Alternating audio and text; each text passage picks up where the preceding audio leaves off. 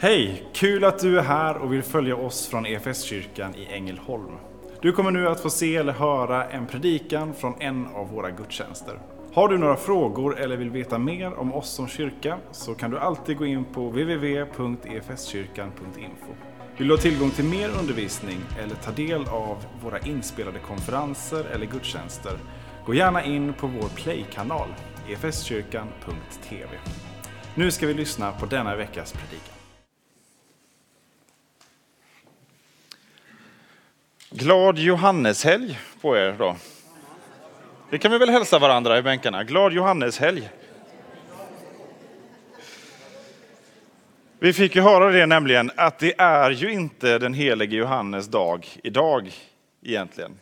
Vi har sagt det att i kyrkan så firar vi eh, Johannes dag söndagen som, som ligger där eh, precis efter midsommar. Eh, men det är alltså den 24 Eh, juni som är Johannes döparens dag, eller den helige Johannes dag.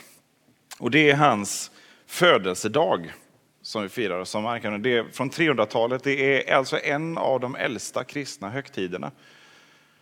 Det tänker vi inte på så ofta. Vi har fullt fokus på jul och eh, påsk och pingst med all rätta, därför att det är kyrkans herre, Jesus, som de handlar om. Men Guds ord lägger också väldigt stor vikt vid Johannes. Eh, så det är inte så konstigt att också hans födelse firas. Annars när vi ser dagarna under året, vi har ju eh, namnsdagar. Och vet ni vad namnsdagen har sitt ursprung i? Helgonkalendern. Alltså varje dag fanns det flera helgon eh, att minnas och Eh, att se på deras liv som en inspiration, en utmaning och en förebild för det kristna livet. Och då är det deras dödsdagar man firar. Nämligen deras himmelska födelsedagar. Eh, men det här är Johannes jordiska födelsedag som vi firar eh, idag. Och det här läser vi om i Lukas evangeliet.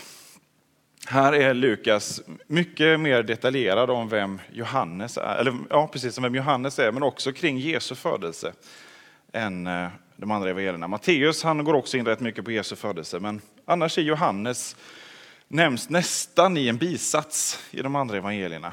Men här så får han väldigt mycket utrymme. Det finns eh, forskare som har spekulerat i om det är så att eh, evangelisterna egentligen har tonat ner Johannes roll. Därför att han hade så otroligt stort inflytande eh, och var en populär figur i Israel också långt efter att, eh, att Jesus hade kommit. Så man var rädd att Johannes skulle överglänsa Jesus. Lukas verkar inte så rädd för det. Eh, Lukas han skriver sitt evangelium till en person, Teofilus. Och han skriver i början att eh, jag har skrivit det här evangeliet därför att du har redan hört många berättelser om vem Jesus är, vad han har gjort, vad det är som har hänt. Men för att du ska veta att det är sant det som har hört, du har hört, så har jag nu efter noga efterforskningar sammanställt de här berättelserna, vad som har hänt, i vilken ordning. För att du ska veta att det du redan har hört, det du redan tror, Teofilus, du Guds vän, att det är sant. Så jag föreställer mig att Lukas han har eh, rest runt i Israel. Eh, och han har eh, vinnlagt sig om att träffa ögonvittnena, de som har varit med för att höra deras berättelser. Vi får nämligen höra vad Maria tänker i sitt hjärta. Lukas kan såklart ha fått det i någon form av profetisk kunskap. Men kanske är det så att han har suttit ner med Jesu mor och frågat vad var det som hände? Vad tänkte du? Vad kände du? Och så har han också då kanske fått möjlighet att göra det med de som fanns kring Johannes födelse. De som såg det här hända. Eh, I slutet av det första kapitlet i Lukas evangeliet så berättas det om när Johannes föds. För Elisabet var tiden inne att föda och hon födde en son. Hennes grannar och släktingar fick höra vilken stor barmhärtighet Herren hade visat henne och de gladde sig med henne. På åttonde dagen kom de för att omskära pojken och de ville kalla honom Sakarias efter hans far. Men då sa hans mor, nej, han ska heta Johannes. De sa till henne, det finns ingen i din släkt som bär det namnet. Och de gjorde tecken åt fadern att låta dem veta vad barnet skulle kallas. Han bad om en skrivtavla och skrev, Johannes är hans namn. Och alla förvånade sig. Med en gång löstes hans läppar och hans tunga och han talade och prisade Gud. Alla de kringboende greps av fruktan och överallt i Judeens bergsbygd talade man om detta som hade hänt. Och alla som hörde det lade det på minnet och frågade sig, vad ska det bli av detta barn? Ty Herrens hand var med honom.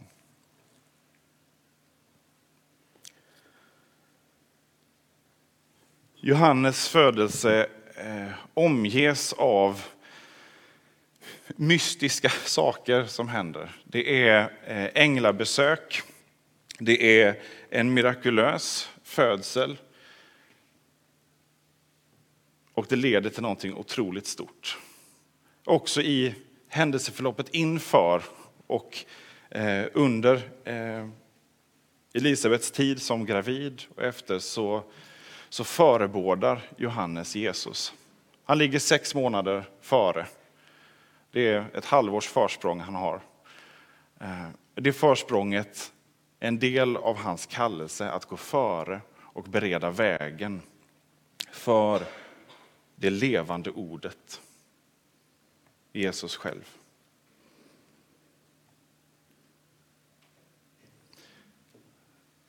Vi får veta att Johannes måste heta Johannes. Varför då? Jo, därför att hans far Sakarias har fått ett änglabesök eh, när han tjänstgör i templet. Den största dagen, inte bara på året utan i hans liv troligtvis, när han går in för att tända rökelsekaret. Det hade man ungefär en chans på eh, som präst. Så många präster hade de. Eh, och han får ett möte med en ängel man får beskedet att de som är gamla inte har kunnat få barn och nu verkligen inte kan få barn för att de är för gamla. De ska få ett barn med en speciell kallelse. Och precis som Maria får veta att det barn du ska få ska ha det här namnet, Jesus, så får också de ett speciellt namn, Johannes.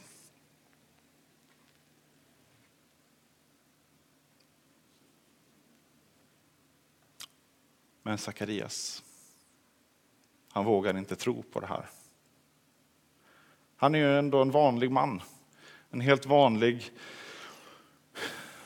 aronit, en präst som gör sin grej bara. Han gör bara det som förväntas av honom. Det står att de är oförvitliga inför Herren, Johannes, eller Sakarias och eh, Elisabet. Så med det kommer nog också en stor portion ödmjukhet. Men ändå så får ängeln anledning att förebrå honom därför att han inte litar på det här. Han ber om extra visshet. Men det här kan det, hur kommer det här ske? Och så blir han stum.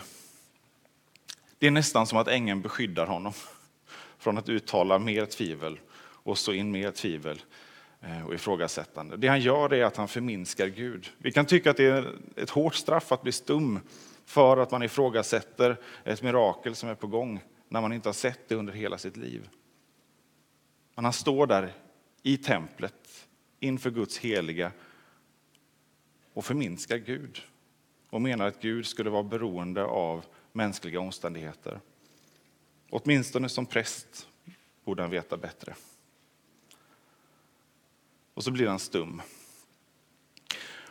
Och nu när Johannes sen föds så kan vi också ana vad den här tiden av stumhet har lett till. Guds fruktan och en ännu större ödmjukhet. Och också en visshet om att det Gud säger, det är sant. I nio månader ungefär har Sakarias varit stum.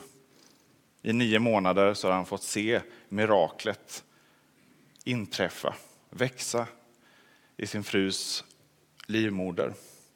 Och när Johannes föds och de vill kalla honom Sakarias så har Sakarias hamnat lite i skymundan. Man frågar ju eh, hans mor och vad, vad ska barnet heta? Ja, Johannes? Ja, nej, det, det kan aldrig stämma. Och så vänder man sig då i alla fall till Sakarias och de tecknar åt honom att han ska berätta. Han är inte döv. Han är stum. Måste varit ordentligt frustrerande att ingen ens pratade med honom längre. Han kunde fortfarande höra. Men han skriver med visshet. Inte jag vill att han ska heta Johannes eller han ska det. Eh, hans namn är Johannes. Därför att det Gud har sagt, det gäller. Guds ord skapar, Guds ord eh, ändrar förutsättningarna, ger förutsättningarna. Så hans namn är Johannes. Födelsen, namngivningen, den här högtiden är given av, av Gud själv. Och redan i moderlivet så bär Johannes den här kallelsen, han är fylld av Guds ande. Sakarias får det här mötet. Efter födelsen så brister Sakarias ut i en lovsång som har blivit en av de dagliga bönerna i kyrkans tradition.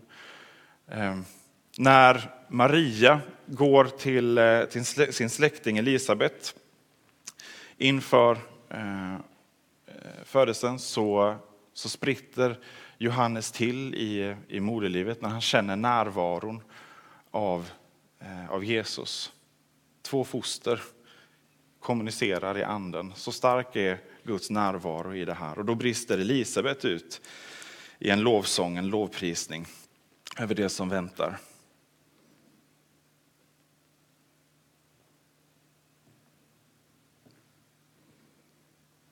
Det är någonting stort på gång. Och det här är en tid där det fanns blandat. Dels fanns en stor förväntan och en stor nöd. Romarna hade Eh, ockuperat Israel. Man hade minnen av en tid som varit där Gud grep in. Man hade minnen av tider när Gud talade. Och samtidigt så var det ganska tyst. Några stora profetröster hade inte hörts på några hundra år. Man hade Malakis ord om att fädernas hjärtan ska vändas till barnen och barnens hjärtan till fäderna. Någonting som det står att Johannes på det sättet uppfyller. Han är den som genom sin predikan får vara med och göra det här. Man har minnen av när grekerna eh, ockuperade Jerusalem och orenade templet och Guds ingripande där. Men det är 150 år sedan. Det är jättelång tid sedan. Och nu så finns det en förväntan och en nöd och samtidigt kanske också en tanke, har Gud tystnat? Och så dyker de här tecknen upp.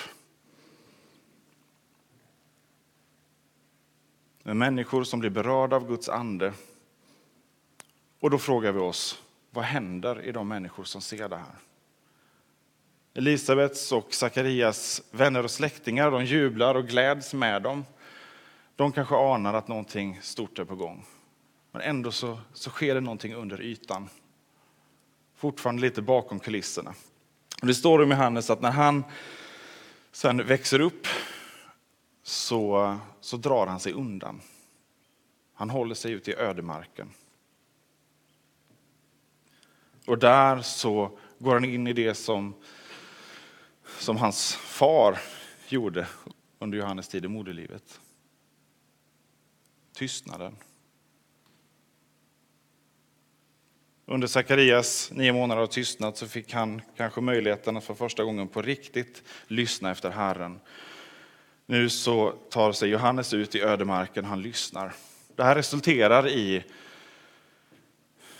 en profet av gammaltestamentlig kvalitet. Han klär sig i kamelhår. Någon som har provat kamelhårsbyxor någon gång? Jag föreställer mig att de kliar. Jag vet inte. Eh, jag tror att SAS hade en kabinväska i kamelskinn på 50-talet. Men det, det är den närmsta kamelkläder vi har kommit till Sverige kanske. Och han äter gräshoppor och honung, det är det han lever på. Är man nyfiken på gräshoppor så eh, har Finland bröd på gång, eh, läste jag häromdagen. Eh, brödlimpor med ungefär 70 gräshoppor i varje brödlimpa. Bra proteiner och ett bra komplement för att möta klimatomställningarna tydligen. Så eh, vi får se, kanske blir det både gräshoppor och kamelhår som blir vår gemensamma kallelse framöver. Eh, hur som helst. Eh, honungen, hon, ja, den är god. Honungen är bra. Och nu kommer vi lite av spåret här. Det här är yttre saker. Johannes ute i vildmarken, han eh, klär sig i det här, han äter det här, men som vittnar om någonting som händer på insidan. Där Johannes får bli avklädd, eh, hela den här världens, omgivningen, samtidens, kulturens förväntningar på hur en, eh, en redig man ska uppföra sig. Eh, hur man gör karriär, vad som förväntas av honom. Han skulle vara en aktad man och göra prästtjänst i templet framöver. Men han har en kallelse och han lär sig att lyssna till Guds röst i ödemarken. Han skaffar sig inte inflytande och respekt bland människor på det sättet som man brukade göra. Han gick inte till någon av de främsta rabbinerna och bad att få gå i skola där. Väntade inte på att någon skulle se honom och plocka upp honom i en, eh, en sån skola. Han spenderade tid med Herren i ödemarken, i tystnaden, avskärmade sig från omvärldens brus. Och med den här världens logik så borde han inte ha någonting att ge. Han borde inte vara relevant. Det här är inte modellen för hur man blir kulturellt relevant. Hur man har koll på trender. Att man har fingret upp och känner vilken vindriktning det blåser. Vilken uppfattning ska jag ha den här veckan? För den jag haft hittills verkar inte vara inne längre. Nu blåser det åt det hållet.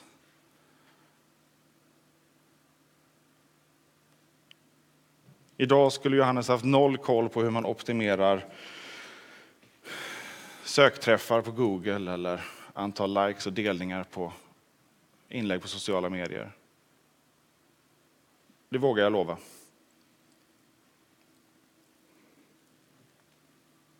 Och så fick han enormt inflytande. Därför att han avsade sig allt inflytande för egen skull. Han sökte Herren, han sökte tystnaden. Han sökte sig ut i ödemarken. Vad är det längsta du har varit tyst någon gång?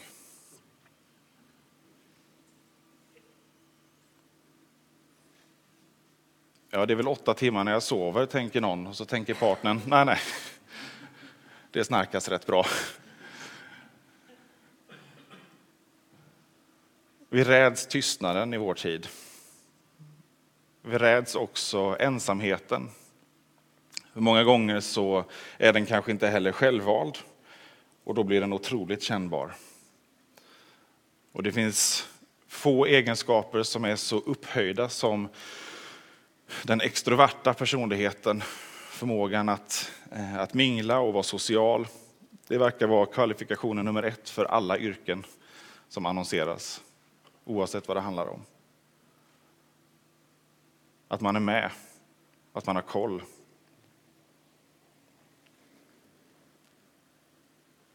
Vi har lärt oss att det är så det är så vi hänger med, det är så vi stannar i i samhällets rörelse.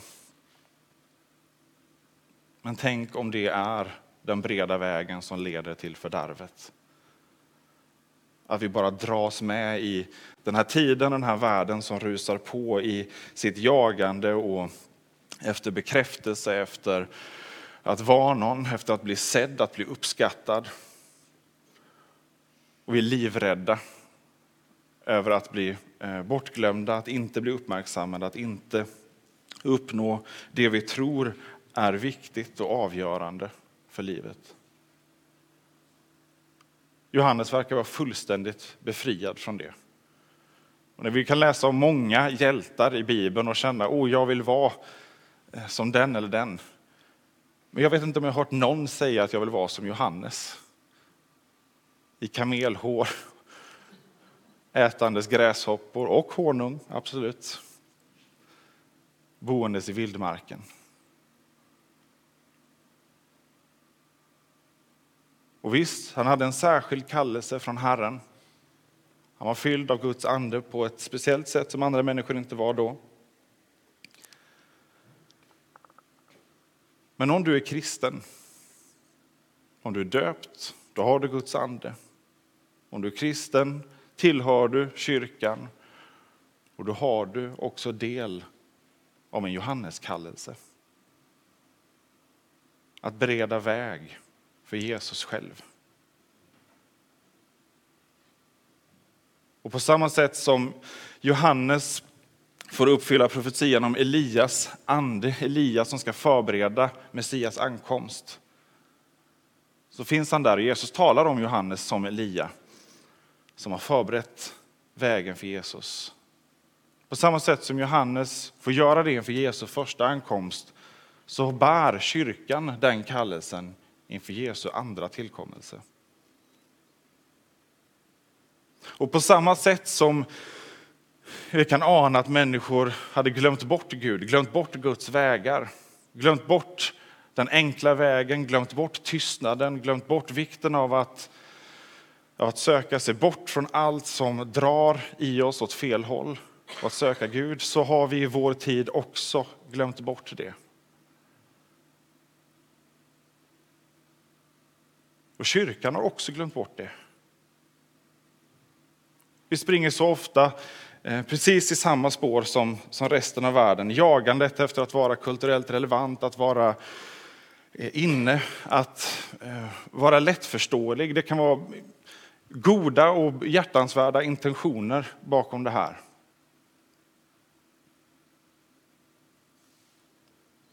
Men om kyrkan ska vara en profetröst och vår kallelse är en Johanneskallelse där vi bereder väg för människor till omvändelse och till att höra om Jesus. Och där Jesus går på tvärsen mot den här världens konung. Då är det något konstigt om kyrkan och om ett kristet liv ser precis likadant ut som allt annat. Och det är någonting misstänkt när din Gud alltid tycker som du.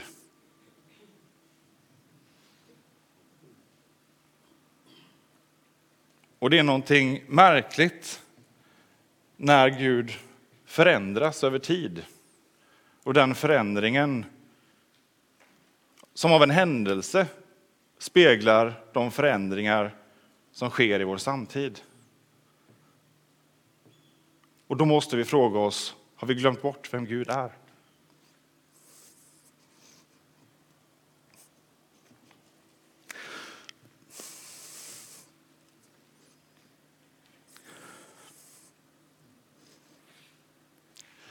Det som Sakarias fick erfara, förlåt. Det som Sakarias fick erfara, det som Johannes fick erfara, var gudsfruktan. Bortglömt kanske på den tiden. Jag skulle våga säga absolut bortglömt i vår tid. Vi har lärt oss att inte frukta Gud. Också där många gånger kanske goda intentioner. Vi vill inte skapa rädsla för Gud. Och vi kommer kanske från sammanhang där, där det har varit en falsk gudsbild. Där rädsla blir drivkraften. Rädsla för straff. Men det är inte biblisk gudsfruktan. Rädsla hör samman med straff, skriver evangelisten Johannes i ett av sina brev. Men den fullkomliga kärleken driver ut all rädsla. Därför hör gudsfruktan och fullkomlig kärlek tätt ihop. De går inte att skilja åt. Men i vår rädsla för att vara rädda och för att måla upp Gud som en farlig Gud att vara rädd för, så har vi sopat undan också gudsfruktan. Och där ser vi att rädsla inte leder till goda frukter. För jag tror att ytterst sett så är det rädsla som har drivit oss också till det.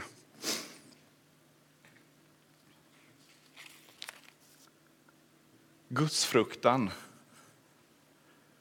det som Sakarias inte hade tillräckligt av, trots att han var rättfärdig, trots att han var oförvitlig inför Herren, trots att han hade ett gott hjärta, så hade han inte tillräckligt med gudsfruktan när han mötte ängeln i templet, när han stod i det heligaste av gudstjänstrummet och förrättade sin uppgift som präst.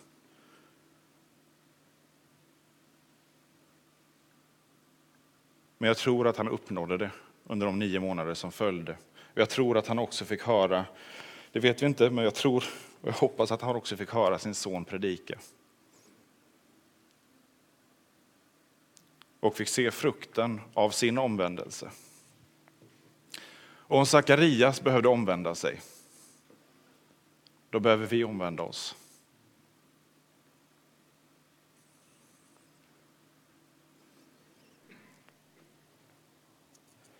Vi behöver lära oss gudsfruktan igen. Jag tror att mycket av Johannes tjänst handlade om det, att återupprätta gudsfruktan. Han predikade rätt och sant om Gud, om Guds enorma omsorg om sitt folk, Israel. En profet pekar alltid tillbaka på vad Gud har sagt. Det ser vi i alla profettjänster i Gamla testamentet handlar om att se folk här, se vad Gud har gjort, se vad han har sagt, att han håller fast vid sina löften.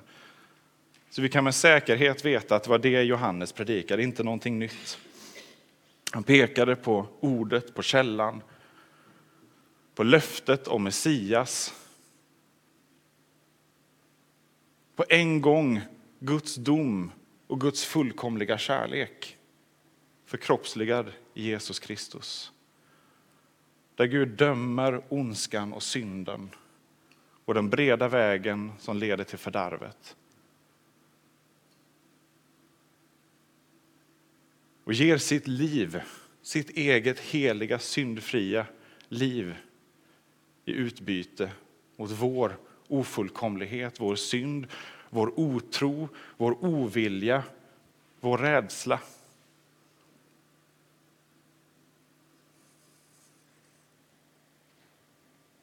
Därför att Gud älskar.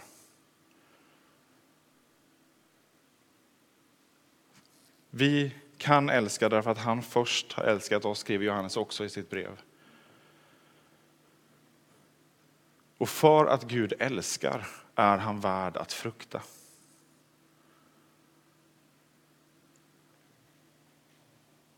En av de böcker som var präglat, präglat jag kan inte våga säga att den har präglat mig, för den heter Gudsfruktan.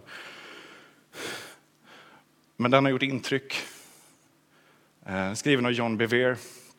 Eh, jag läste den för kanske 15 år sedan. Eh, det är inte många böcker jag läste för 15-20 år sedan som fortfarande ringer i huvudet, men den gör det.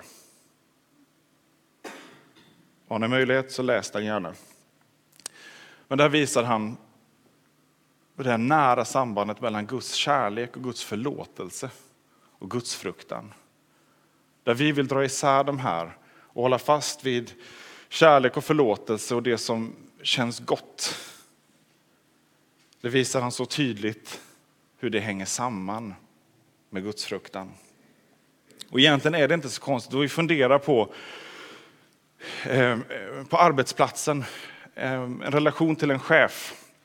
En chef som är hård, eh, ointresserad av dig som medarbetare, eh, där vinstintresset är allt, eh, där du ständigt är rädd för att göra fel. Där finns ett visst mått av fruktan, eller hur? Och vad leder det till i längden? Antagligen dålig produktivitet, utbrändhet. Det finns ett annat chefskap där det också finns ett mått av fruktan. En chef som ser dig, som ser eh, din kapacitet, eh, dina möjligheter.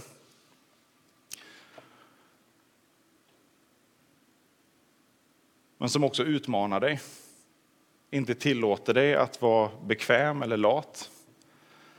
En chef som du över tid får djupt förtroende för. Och helt plötsligt så vill du inte göra fel, inte av rädsla för att få sparken eller bli utskälld, men för att du vill inte göra din chef besviken. Därför att han har satsat på dig, eller hon har lyft dig i så många situationer. Och du känner ett djupt förtroende för den chefen. Jag tänker att det är överförbart också i, i en kärleksrelation. Det finns få personer jag är så rädd för att göra arg som min fru. Eh, och det är kött och synd uppblandat med det också såklart. Eh, men det finns någonting också eh, bra i det. Jag vill ju inte såra min fru. Jag vill ju inte göra henne upprörd därför att jag älskar henne. Det är de bra dagarna. De dåliga dagarna hittar jag mängder med ursäkter för varför hon inte borde ha blivit upprörd och så vidare.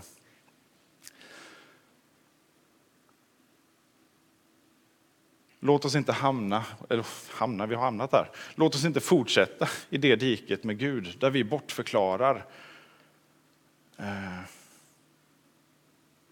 hans rätt att vara vred över synden i den här världen och i, i våra liv. Och där vi inte längre bortförklarar varför jag inte kommer längre i mitt kristenliv. Varför det verkar som att Gud är tyst.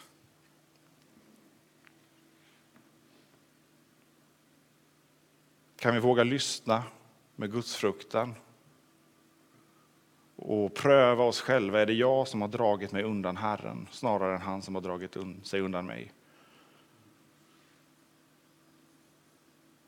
Och är jag del av en större kulturell rörelse där vi gör allt vi kan för att bortförklara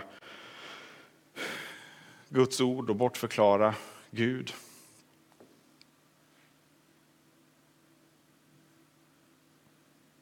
Och motivera för oss själva varför just det jag gillar också är någonting som Gud gillar. Det är inte alltid så. Vågar vi bli korrigerade av Gud? I djup förtröstan om att han är den mest kärleksfulla man kan tänka sig. Just därför ingen som jag vill fly ifrån, utan fly till. Det här är den bästa, bästa vaccinet vi kan ha, bästa skyddet vi kan ha när framgångens gift kommer.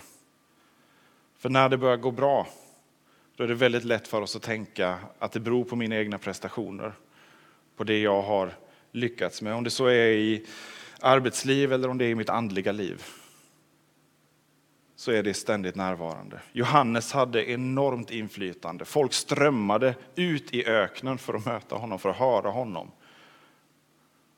Han behövde ingen PR-byrå. Han hade lyssnat på Herren. Och folk sökte honom därför att de upplevde nöden i sina hjärtan.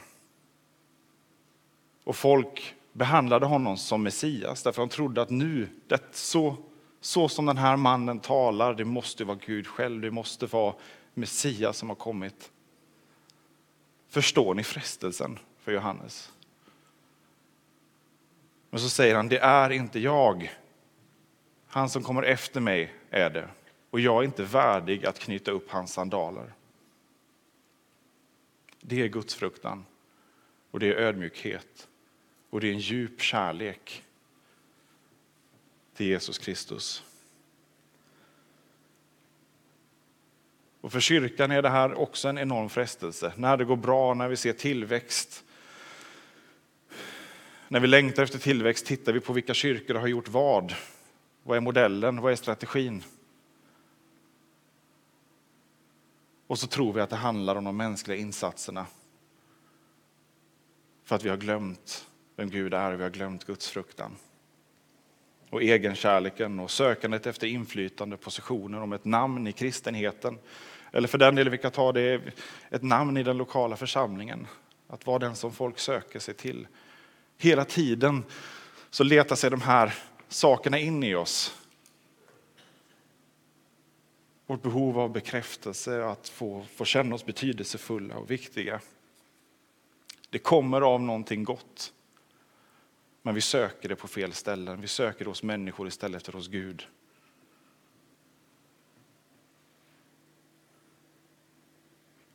Så vi får fråga oss, och nu lovar jag att jag går ner för landning här. Vi får fråga oss, vad är det som formar våra liv? Vad är det som formar vår gudsbild? Är det den här världen med alla dess omständigheter? Är det min egen livshistoria, hur den än har sett ut? Eller är det Guds ord och Gud själv? Profeten kommer med ganska så skarpa korrigeringar.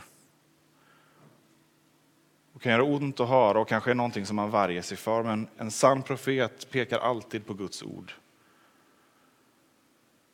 Därför är det också vår kallelse.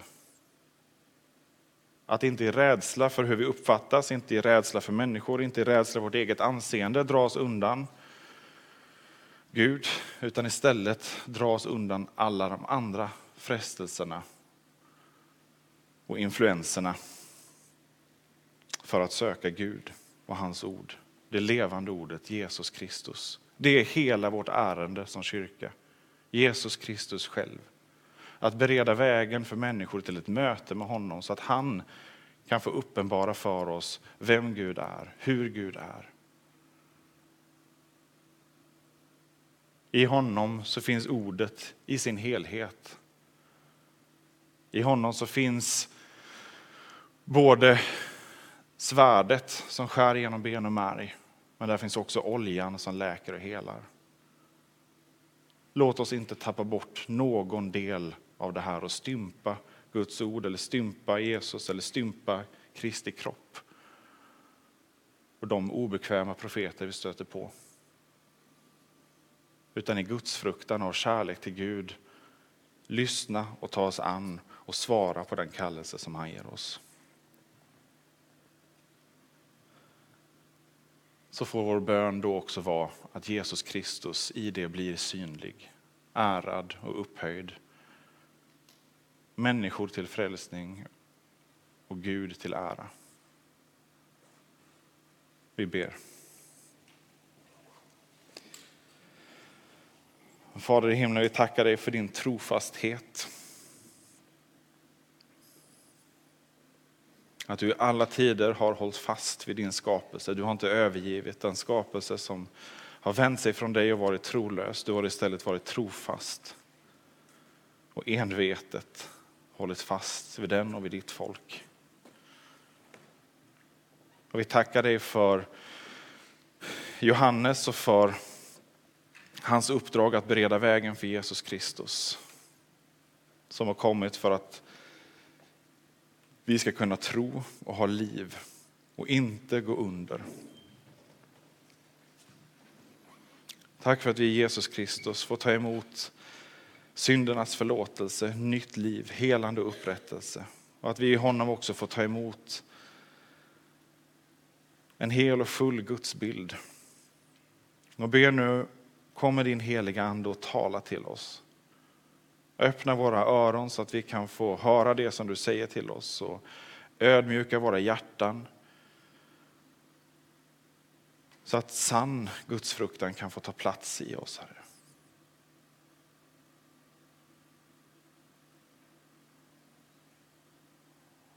Låt oss få komma ur det att vara trogna dig Jesus Kristus, vår Herre och kung. Så att vi är mer brydda om att vi är trogna dig än vad vi är brydda om vad omvärlden säger om oss. Så att vi kan tala det som är gott och rätt och sant. Och så att vi kan göra det som är gott och rätt och sant, Herre. Så att sann barmhärtighet kan få gå ut från din kyrka i hela världen, Herre. Så att människor får bli upprättade till ande, kropp och själ i det som du gör. Och tack för att du genom hela historien har berört människor genom människor. Du tar din boning mitt ibland folket i öknen. Du tältar bland människor. Och du har tagit din boning mitt ibland oss i en människa, Jesus Kristus. Och du är närvarande mitt i den här världen genom din kyrka. Vanliga, syndiga, ofullkomliga, bångstyriga och olydiga människor. Men vi ber ödmjuka våra hjärtan så att vi kan få vara trogna den kallelse som du har gett oss, Herre. Och vi ber att vi ska få ta det Johannesuppdraget som vi också har, att bereda väg för Kristus. Hjälp oss att söka din ära och inte människors ära. Så att när vi möter människor så ger vi dem av Kristus själv och inte av våra egna idéer och floskler. Återupprätta i oss sann gudsfruktan och sann kärlek till dig, Herre.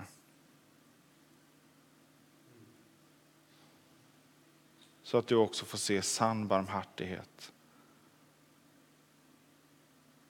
och rättfärdighet flöda från ditt folk ut i den här världen.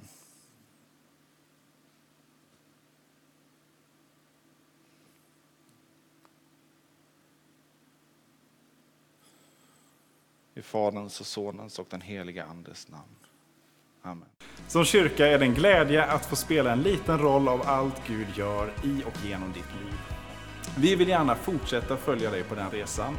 Och vill du ta reda på vad ditt nästa steg kan vara på din resa med Gud så gå in på efskyrkan.info nästa steg. Vår längtan är att få se människor och samhällen förvandlade av Jesus. Genom en kyrka som återspeglar Guds hjärta, bär varandra och betjänar människor varhelst vi befinner oss varje dag.